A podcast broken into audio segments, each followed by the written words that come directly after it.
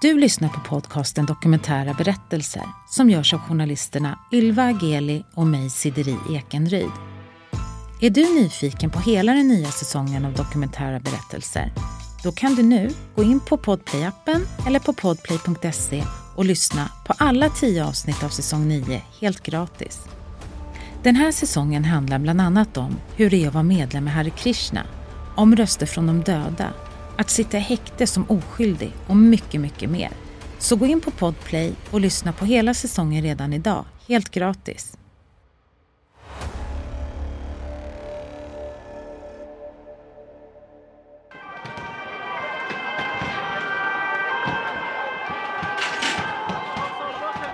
Vi hör ljud från en film publicerad av Aftonbladet den 17 april 2022. Den visar hur personer kastar sten mot polisen under ett våldsamt upplopp. Upploppen kom att kallas påskkravallerna och följde av de koranbränningar som utfördes av högerextrema politikern Rasmus Paludan. Det här är bara en i mängden av de händelser som på senare tid har fått oss att se vilket utsatt yrke polisyrket faktiskt är och kan vara i vissa lägen. I det här avsnittet möter vi därför polisen Tobbe som berättar om hur det är att jobba som polis. Om de där upplevelserna man knappt kan föreställa sig att en människa ska vara med om. Han har också skrivit om sina upplevelser i boken Bakom uniformen. En ung man eh, genar över, över eh, järnvägsspåret och blir blev påkörd av tåget och hans vän eh, som ser detta blir såklart kraftigt chockad eh, och håller en kroppsdel från, från eh, sin kompis i sin famn och vill inte släppa den här kroppsdelen. I avsnittet pratar vi också med Agneta Salmonsson, präst i Trelleborgs församling och som är legitimerad polispräst som agerar samtalsstöd åt poliser. Jag tror att man delar mycket med varandra, eh, kollegor emellan. Eh, men, men jag tror också att det finns ett stort behov av att ha någon ventil, någon utomstående, eh, där man ändå kan få, få lov att lyfta vissa saker.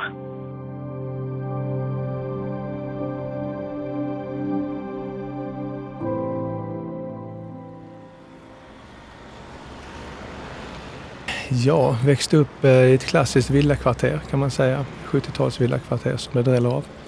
Eh, växte upp med eh, mamma, pappa och till början en bror. Tobbe växer upp i Staffanstorp utanför Malmö.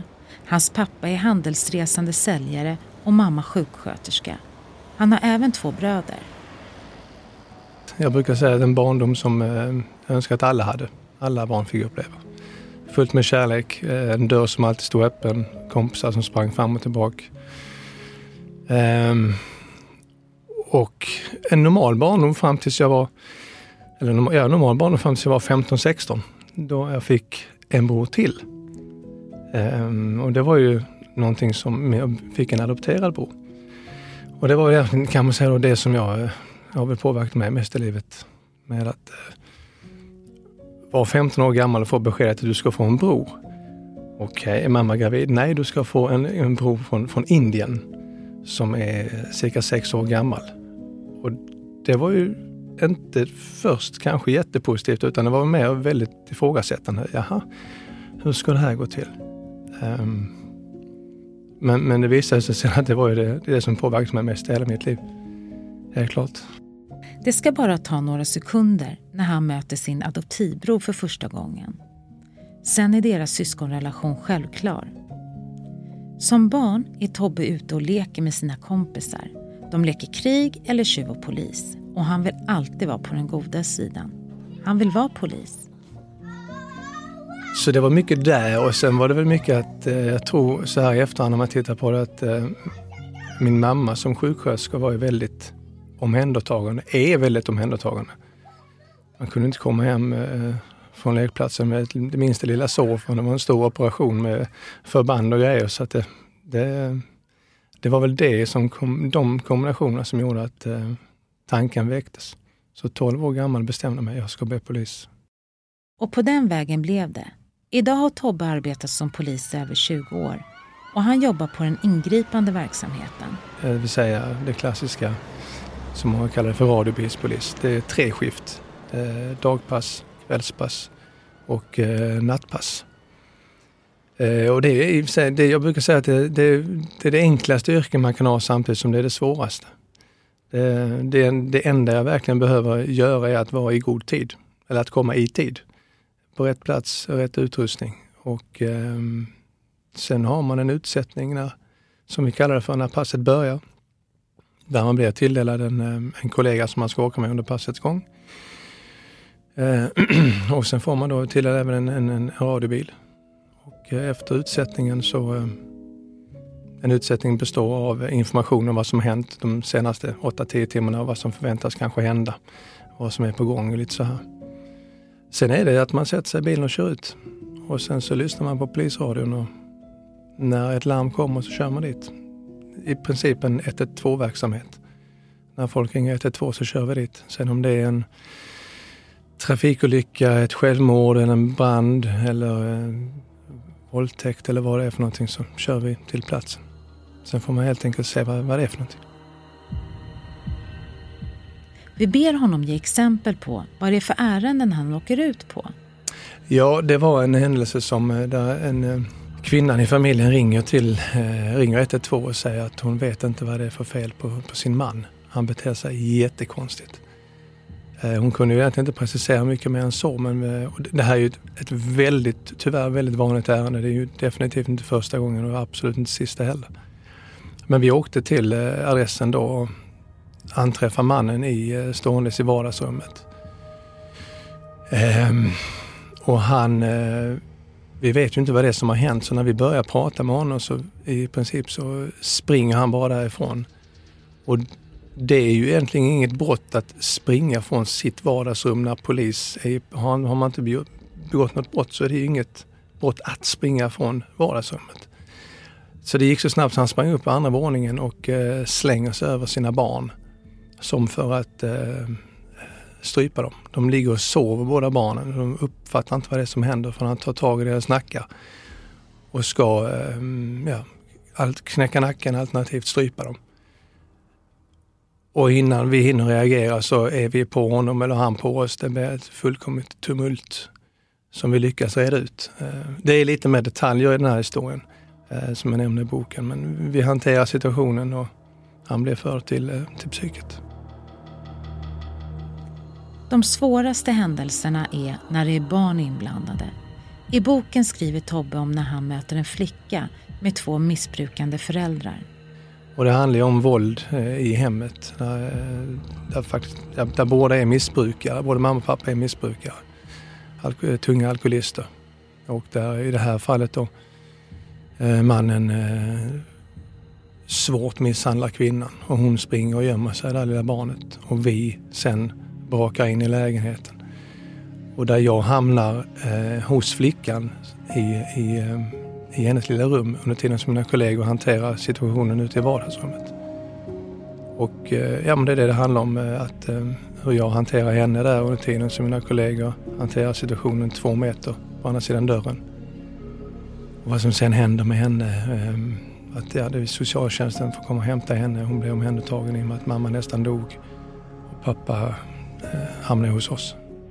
När jag har pratat med en del som har varit poliser väldigt länge. Vi hör polispräst Agneta Salmonsson som jobbar som samtalsstöd åt poliser.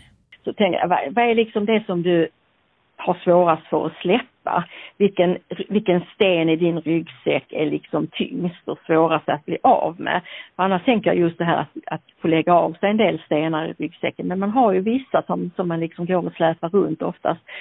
Och då är det de som har varit med väldigt länge som säger att ja, du det är inte de här kanske blodiga platserna eller, eller det här som man kanske tänker eh, som skulle vara det värsta, utan det värsta är alla de här barnen som lever i misär med föräldrar eh, som inte klarar av att vara föräldrar, som inte skyddar dem, som inte tar hand om dem. Och man vet att ah, det, här, det här kommer liksom inte att gå eh, särskilt bra för det här barnet. Nästa vecka kommer vi vara i samma lägenhet för då är det samma bråk och det är samma lilla barn som inte har fått sina behov tillgodosedda. Det är en tung sten för de allra flesta. Mm. Och särskilt när man själv har fått barn, det är det många som säger att då, då reagerar man väldigt, väldigt starkt på barn som far illa. Hur hanterar du det då? Nej, men det är som med alla eh, tunga händelser. Man, man hanterar det genom att prata.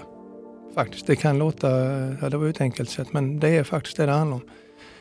Att prata, att, um, att uh, visa och inse att jag är ingen superpolis på något sätt, utan jag är bara en vanlig människa precis som vem som helst. Det är bara att jag har ett yrke där jag tar på mig en uniform.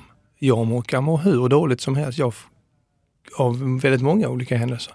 Det behöver nödvändigtvis inte vara de stora, det kan vara de små också. Men att just, um, jag ska inte säga erkänna för det är helt fel ord, men att just inse att man är en människa bakom uniformen, därav namnet på min bok.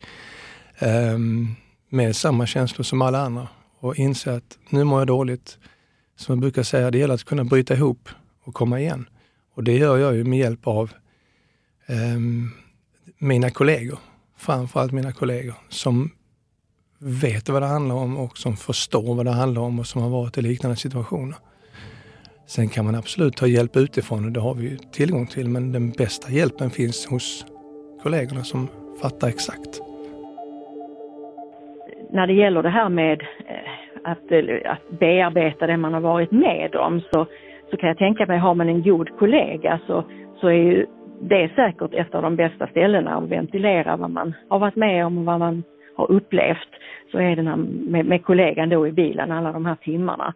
Men sen finns det ju saker som man kanske inte vill dela med någon som man sen måste träffa hela tiden eller något som man, man kanske skäms lite över eller något som man inte vill att någon annan ska veta om. Och då är det ju bra att ha någon utomstående men som man ändå vet vem det är som man lätt kan få tag i och som då i, i prästens fall har absolut tystnadsplikt. Alltså, ja, man får inte som präst säga vad samtalen handlar om, men man får inte ens säga att man har haft ett själavårdande samtal. Eh, och det är ju en stor trygghet för många människor eh, som gör att man vågar öppna sig och kanske berätta ja, de innersta tankarna, för man vet att det stannar verkligen i det här rummet. Ehm, så eh, jag tror att man delar mycket med varandra, eh, kollegor emellan. Eh, men, men jag tror också att det finns ett stort behov av att ha någon ventil, någon utomstående, där man ändå kan få, få lov att lyfta vissa saker. Ett poddtips från Podplay. I fallen jag aldrig glömmer djupdyker Hasse Aro i arbetet bakom några av Sveriges mest uppseendeväckande brottsutredningar går vi in med hemlig telefonavlyssning och, och då upplever vi att vi får en total förändring av hans beteende. Vad är det som händer nu? Vem är det som läcker? Och så säger han att jag är kriminell, jag har varit kriminell i hela mitt liv men att mörda ett barn, där går min gräns. Nya säsongen av Fallen jag aldrig glömmer på Podplay.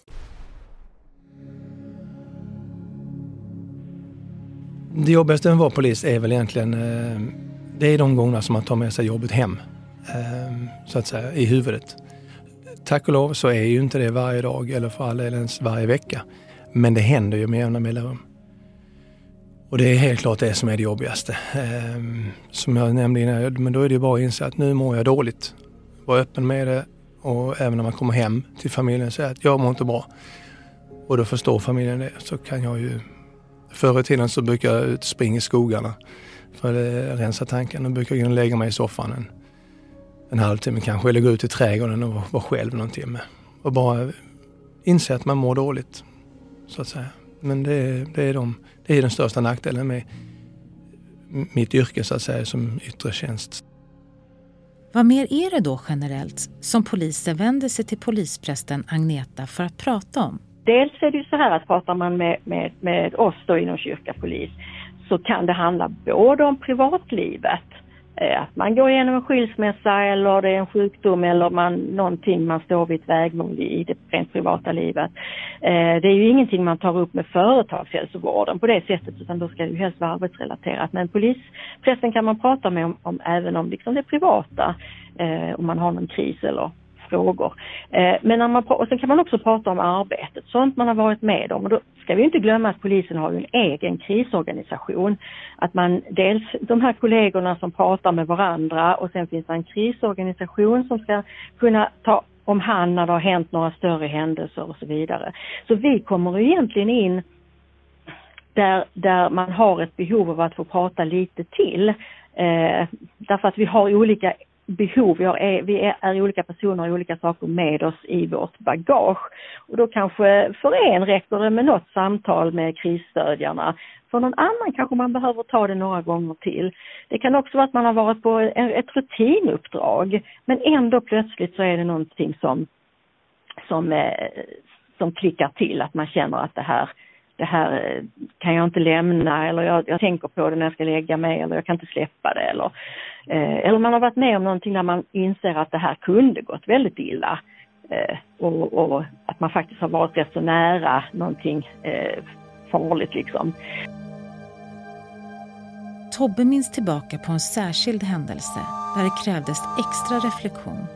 Det är en tågolycka utanför Lund där en man omkommer när han genar över järnvägsspåret och hans vän eh, som ser detta blir såklart kraftigt chockad eh, och håller en kroppsdel från, från eh, sin kompis i sin famn och vill inte släppa den här kroppsdelen. Eh, och vi kommer fram till platsen samtidigt som ambulansen och eh, det är ju en rätt så makaber syn att se den här stackars chockade killen hålla en kroppsdel från sin, från sin vän. Eh, men där jag då blev tvungen att slita kroppsdelen från eh, den här killen. För att eh, han var ju i sån kraftig chock och man kan dö av den typen av chock. Så att ambulanspersonalen i sin tur kunde kastas över honom och föra honom till eh, psykakut omedelbart. Um, och det var rätt mycket andra människor i närheten så det, det, vi var där och jobbade några timmar med, med den händelsen. Um, och där var ju, eh, skulle jag jobba dagen efter. Men blev ju tagen ur tjänst eh, just för att kunna landa lite mer. Det är ju aldrig fel att, som man, det här uttrycket, att man ska upp på hästen igen när man har trillat av. Ehm, och det ska man. Men i det här fallet så var det ju bra att man vi blev tagna ur tjänst och vi tillsammans med ambulanspersonal och även räddningstjänst som kom till platsen hade ju en debriefing när vi satte oss ner ehm, och drack kaffe och snackade om hela händelsen ehm, i några timmar dagen efter istället för att jag skulle jobba. Men jag tror att det viktigaste inte, eh, som, jag, som man säger, eller som jag har sagt många, många gånger, det är det här att det är helt normalt att reagera på, på det onormala. Alltså en onormal situation, att se och, och vara med och uppleva sådant som många av oss andra slipper. Ond, bråd död, eh, eh, eh, faror, alltså direkta livsfaror och så vidare. Eh, att reagera på det är helt normalt. Att det sen är en rutinuppgift för, för till exempel polispersonal, det gör ju inte att det blir mer normalt utan eh, men man kan lätt få för sig det, att ja men det här är någonting vi ska klara av. Och så gör man det och så gör man det och så gör man det och sen till slut så plötsligt så är det någonting som skaver. Och då kanske man ibland har glömt bort att ja men det är ganska onormalt för en människa att ta hand om, om döda kroppar på det sättet som polisen ibland får göra och så vidare. En av de största valfrågorna under hösten 2022 handlade om gängkriminalitet i Sverige. Det rapporterades om en ökning av nyrekrytering av unga och barn in i kriminella gäng och antalet dödsskjutningar var högre än någonsin. Vi undrar vad Tobbe, med sin långa erfarenhet som polis, anser behövs göras. Vi måste på något sätt ändå inse att den situation som vi har idag i Sverige, det hjälper inte att skrika efter fler poliser. Ena partiet ska ha 10 000 och så säger andra partiet att ja, vi ska ha 15 000 fler poliser. Och sen kommer det tredje partiet 20 000. Skitsnack, det funkar ju inte på det sättet överhuvudtaget och frågan är om det hjälper.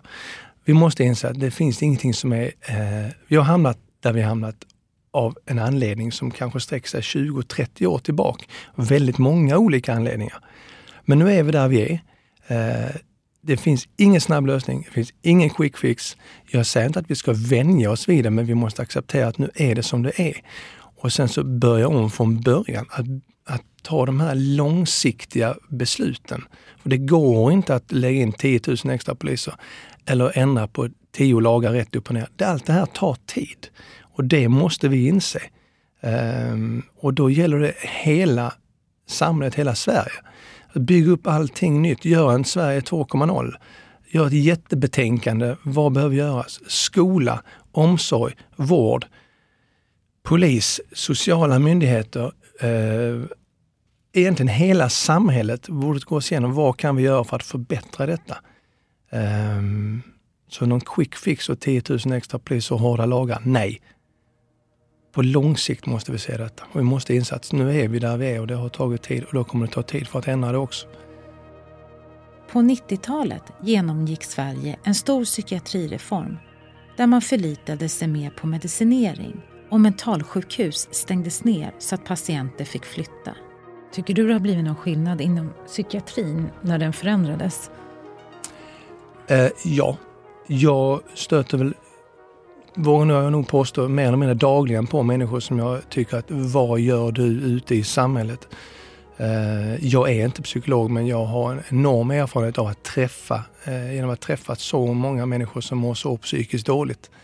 Eh, som uppenbarligen har väldigt svårt, om ens till och med omöjligt, att klara sig själv och ändå så är de ute. Jag vet inte exakt hur psykvården är uppbyggd, men, men att det är en galenskap utan dess like att så många av dessa människor får lov att vara ute utan att befinna sig inne på tvångsvård.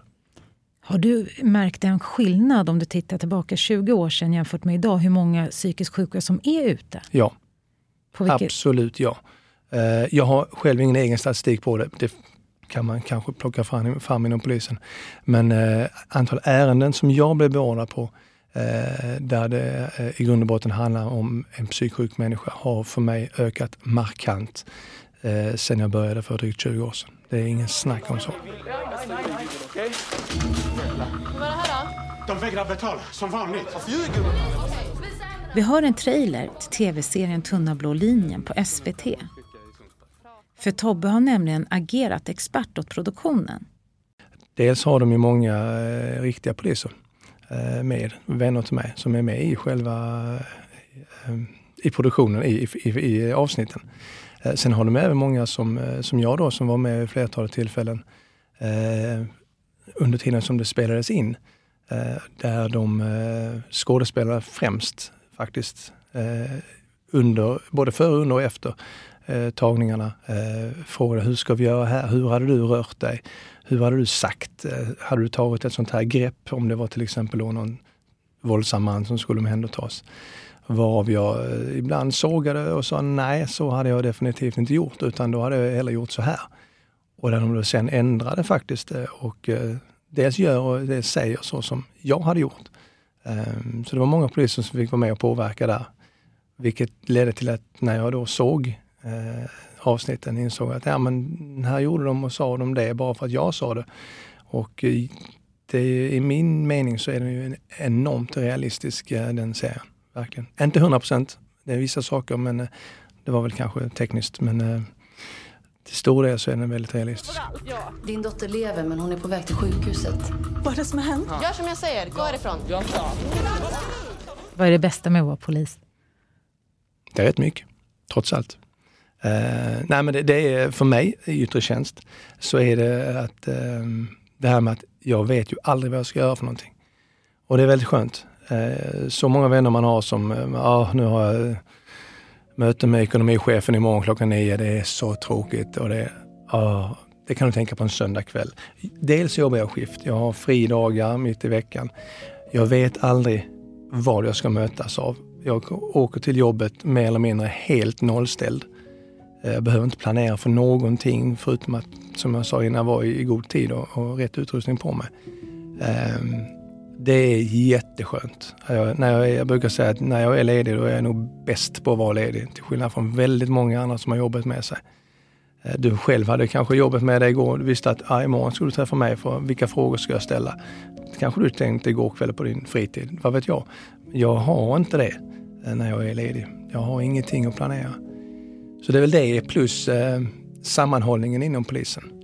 Eh, mina vänner där, den är helt fantastisk. Det är en fantastisk mängd människor som jobbar inom, inom svensk polis. Eh, glädjen att kunna arbeta med dem i motgång och medgång, det sammansvetsar oss på ett jättepositivt sätt. Eh, när man är med om alla de här sakerna som vi är med om ibland så, eh, så delar vi ju det för evigt. Jag kan ju träffa på kollegor idag som jag jobbar med för kanske 10-15 år sedan som eh, man direkt man vi ser på varandra så tänker man på samma situation. Kommer du ihåg det? Ja, jag vet mycket väl.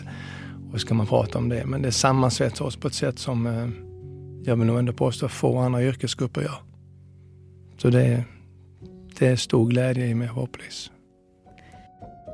När man hör Tobbes berättelse om alla olika svåra händelser han har mött genom året som polis så kan man inte låta bli att fundera på om poliser får tillräckligt med samtalsstöd. Vi frågar Agneta Salmonsson, polispräst, vad hennes bild är. Alltså jag eh, tänker, alltså det har blivit väldigt, väldigt populärt att prata nu om existentiell hälsa. Att det är en aspekt av hälsobegreppet, att det inte bara fysisk, psykisk eh, hälsa utan också en existentiell andlig hälsa. Att det handlar om att ha eh, att ha mål, känna mål och mening i livet, att kunna känna glädje, att kunna känna framtidstro och så vidare. Att ha någonting att tro på. Det har ju blivit väldigt i ropet eh, att prata om. Jag kan ju tycka att alla vuxna människor egentligen borde ha större möjligheter att få prata om sådana saker. Eh, och jobbar man med ett jobb som polis till exempel eller eh, inom vården eller inom eh, ja, räddningstjänst eller där man möter även SOS eh, och så vidare, där man möter människor som, som är i kris och möter liksom mycket av samhällets baksidor. Eh, då tror jag att man i en högre grad behöver ha möjligheter att få samtala. För mig så vi har jag alltid velat eh, visa, och därav syftet med boken då, att bakom de här uniformerna. Det är folk som gnäller på poliser hit och dit. Varför gjorde de inte si? Varför gjorde de inte så? Ja, men det är lätt att sitta på läktaren när du inte själv är där. Du har kanske inte hela bilden om du så läser på Aftonbladets hemsida eller på Flashback och tycker att du är väldigt väl insatt. Nej, det är du inte för du var inte där i stunden.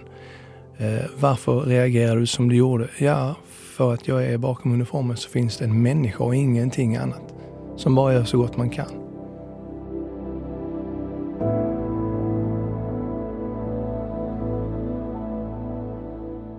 i säsongens sista två avsnitt. Jag hade mardrömmar varje natt. Jag vaknade med hjärtklappning och tryck över bröstet varje morgon. Så det var otroligt tufft att handskas med det. Vi träffar Johanna som en dag möter sitt livs stora kärlek.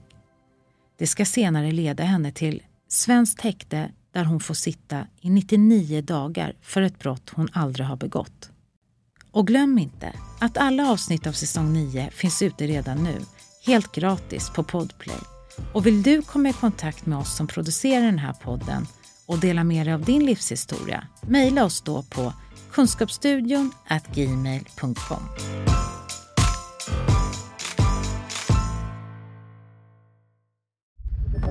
Podplay, en del av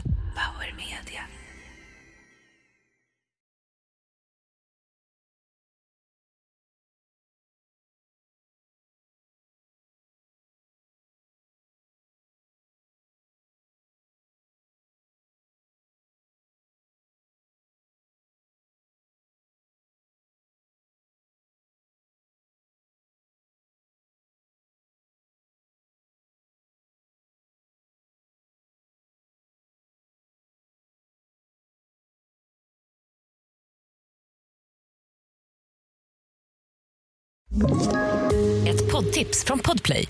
I podden Något Kaiko garanterar östgötarna Brutti och jag, Davva, dig en stor dos skratt. Där följer jag pladask för köttätandet igen. Man är lite som en jävla vampyr. Man har fått lite blodsmak och då måste man ha mer. Udda spaningar, fängslande anekdoter och en och annan arg rant. Jag måste ha mitt kaffe på morgonen för annars är jag ingen trevlig människa. Då är du ingen trevlig människa, punkt. Något Kaiko, hör du på Podplay. Därför är gardinerna.